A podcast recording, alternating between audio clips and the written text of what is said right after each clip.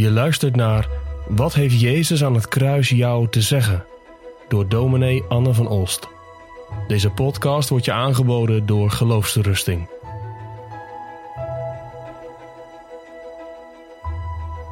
Het vierde kruiswoord gaat over de verlatenheid, de godverlatenheid van de Heer Jezus aan het kruis. En je vindt het kruiswoord in Matthäus 27, de versen 45 en 46.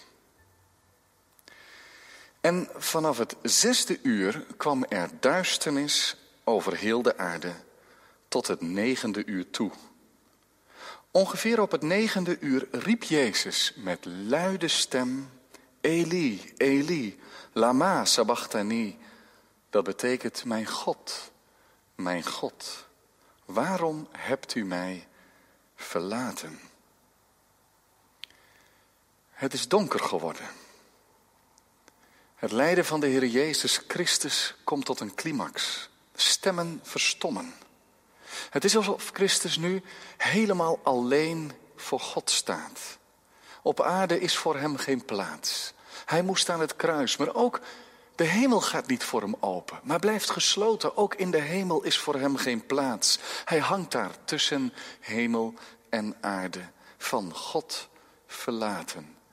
En na deze uren van duisternis en verlatenheid roept hij het uit. Mijn God, mijn God, waarom hebt u mij verlaten?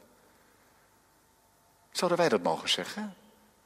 Het zijn immers woorden van Psalm 22, woorden die ook David heeft uitgesproken. Het was zijn ervaring. De waarom-vragen stapelden zich op. En in Psalm 22 gaat het nog iets dieper. David zegt daar, u zwijgt, u geeft niet thuis als ik aan het klagen ben. U bent er niet voor mij. Dat kan inderdaad je ervaring zijn. Maar dan mogen gelovigen elkaar bemoedigen en zeggen, en toch is het niet zo. Je kunt het wel zo ervaren, maar God is er heus wel. Maar bij de Heer Jezus was het niet maar de ervaring, maar het was bittere realiteit. Hij was door God verlaten. Weet je, die spotters op de kruisheuvel Golgotha waren er al mee bezig met die psalm, psalm 22. Ze hebben gespot, laat God hem redden als hij hem tenminste wel wil, als hij hem wel gezind is. Dat is schrijnend voor de Heer Jezus. Dat is een gevoelige snaar die ze raken. Want die eenheid met de Vader, de band met zijn God, is natuurlijk heel erg belangrijk. Het is zijn enige houvast. De eenheid met de Vader. En dat God hem wel gezind is, ondanks dat hij door de mensen verworpen wordt, vindt hij daarin zijn houvast. En nu wordt hij als het ware door de spotters de verlatenheid ingedreven. Die woorden die blijven als het ware resoneren, die blijven naklinken, als hij hem tenminste wel gezind is. En dan wordt het donker. Dit is het uur waarvan de Heer Jezus heeft gezegd, dit is uw uur en de macht van de duisternis. Dan wordt het stil op Golgotha. Het is donker als de nacht. Stemmen verstommen, de spot ook. Het lachen houdt op. Huiver daalt over Golgotha. Van twaalf uur s middags tot ongeveer drie uur. Er wordt als het ware een gordijn geschoven tussen de Heer Jezus en de mensen. Nu speelt het lijden, dat wat Christus komt doen, zich alleen nog af tussen hem en God. En dan verbergt God zijn aangezicht. De hel barst los. En na drie uren roept Jezus met luide stem: Mijn God, mijn God, waarom hebt u mij verlaten? Het zijn woorden uit de Bijbel, woorden uit Psalm 22. Dat is toch opmerkelijk? Juist nu hij daar hangt in die uiterste verlatenheid, in dat dieptepunt, dan, dan neemt de Heer Jezus de Bijbel. Deze psalm en haalt een Bijbeltekst aan. Niemand leest hem voor als het ware op zijn sterfwet. Niemand troost hem. En nu valt hij zelf terug op het woord van God. Hij kent deze tekst. Hij vindt er herkenning in. Hij vindt er houvast en troost in. Doen wij dat ook? Als mensenwoorden niet meer kunnen helpen? Dat we dan het woord van God invluchten. Dat woord van God was voor de Heer Jezus zo belangrijk. Hij joeg er de duivel mee weg bij de verzoeking in de woestijn. Maar nu in de verlatenheid vindt hij er houvast bij. Oh, wat moet de Bijbel, het woord van God voor ons belangrijk zijn? Wil je een volgeling zijn van de Heer Jezus Christus? Laat het woord waar Hij bij leefde dan ook het woord zijn waar wij bij leven. En het tweede wat dan opvalt is dat Hij spreekt tot God. Hij richt zich niet tot mensen. Zou ik, denk ik, wel doen. Dan, dan, dan zoek je steun bij mensen, dan, dan vraag je medelijden aan mensen. En misschien klaag je wel tegen mensen.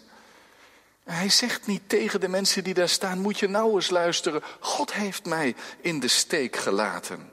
Hij gaat tot de God die hem verlaat. Is dat niet opmerkelijk? Hij zegt dus niet, ik stop maar met geloven, want ik kan nog wel bidden, maar God hoort me toch niet, hij geeft niet thuis. Hij blijft met Gods woord tot de God gaan die hem verlaat. En hij roept, waarom? Wist hij dat dan niet? Hij wist toch waarom hij aan het kruis moest gaan? En toch moeten we zeggen, hij vraagt echt waarom. Kunnen wij dat geheim doorgronden? Hij die gezegd heeft, ik en de Vader zijn één. De Vader is altijd bij mij. Dat zijn zijn woorden geweest. En nu wordt hij van God verlaten. Dan moeten wij niet zeggen, nou hij haalt Psalm 22 wel aan, dat is een toepasselijke tekst, maar het is natuurlijk niet echt zo hè, dat hij verlaten is. Het is wel echt zo. Het is realiteit. Niet dat wij dat kunnen begrijpen. Als Jezus zegt waarom, dan zal ik niet tegen jou even zeggen, nee, hij wist het niet, maar ik kan je wel even uitleggen hoe of dat zit.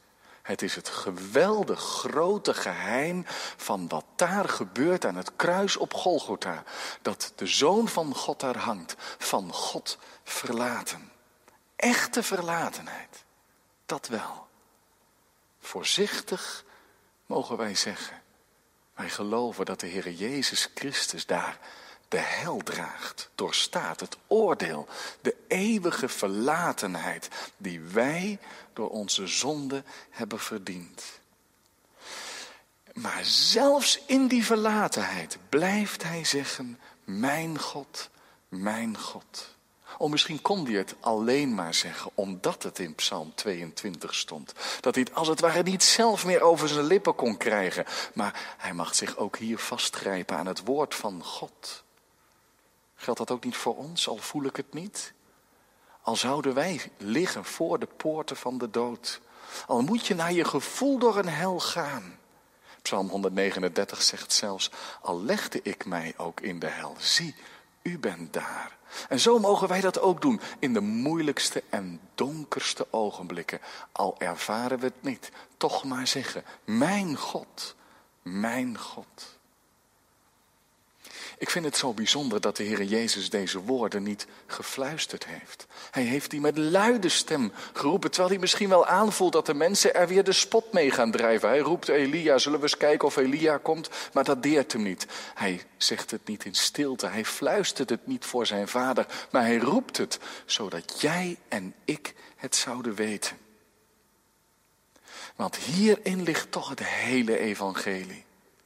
Paulus probeert dat uit te leggen in 2 Korinthe 5 vers 21 waar hij zegt, hij die geen zonde gekend heeft, heeft God zonde voor ons gemaakt, opdat wij zouden worden gerechtigheid van God in hem.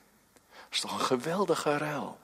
De zondeloze draagt hier mijn zonde en schuld. Wat een wonder. Ook in Galaten 3 vind je zo'n uitleg van het kruis. Galaten 3 vers 13. Christus heeft ons vrijgekocht van de vloek van de wet door voor ons een vloek te worden. Want er staat geschreven, vervloekt is een ieder die aan het hout hangt. Hij doet daar verzoening, verzoening voor onze zonde. Hij wordt daar als het ware verworpen door God. Hij staat daar of hangt daar in de verlatenheid van de hel om ons oordeel te dragen. Hij van God verlaten, opdat wij nimmer meer door God verlaten zouden worden. Het bleef stil daar op Golgotha. Er kwam geen antwoord. Ja, er kwam misschien wel een antwoord, maar later pas. Toen nog niet. Enkele dagen later, met Pasen. Toen gaf God het antwoord. Ja, ik wek mijn zoon op, want hij is de rechtvaardige. Hij leed en stierf niet voor zijn eigen zonde. Daar kwam het antwoord met Pasen. Maar hier op Golgotha, op deze Goede Vrijdag, blijft het stil. Oorverdovend stil en u Christus geroepen heeft, waarom? En er kwam geen antwoord. Dan kunnen daar onze waarom-vragen tot rust komen. Ik zeg niet dat ze beantwoord worden of dat ze opgelost worden. We, hebben met waarom-vragen te leven. Hoe vaak begrijpen we het niet? En telkens weer, dan, dan springen die waarom-vragen weer naar voren en ze, en ze dringen om de voorrang in ons hart.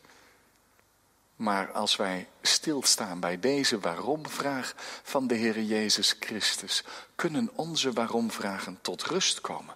Tot rust komen, wachten tot de grote dag die komt. En bij alle waarom-vragen die wij hebben, moeten wij ook deze waarom-vraag stellen. Waarom, o mijn God, waarom had u zondaars zo lief dat u uw eigen zoon overgegeven heeft in deze uiterste Godverlatenheid. Waarom, mijn God, had u ons zo lief? Is het niet tijd dat jij deze liefde van God, die blijkt in het oordeel wat hij op zijn zoon Jezus Christus legt, dat jij die liefde beantwoordt in geloof, in geloofsovergave en vertrouwen. Zonder de Heer Jezus Christus ga je de nacht in. En wil je zien hoe erg dat is? Kijk dan maar naar Golgotha, naar die Godverlatenheid. Maar daar heeft Jezus zich gegeven in de bangste zielennood. O, ontvang hem dan. Nodig hem dan uit.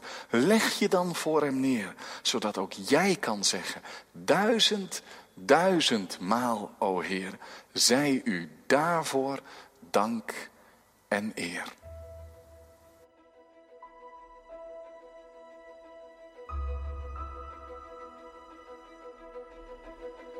Je luisterde naar een podcast van Geloofsterusting.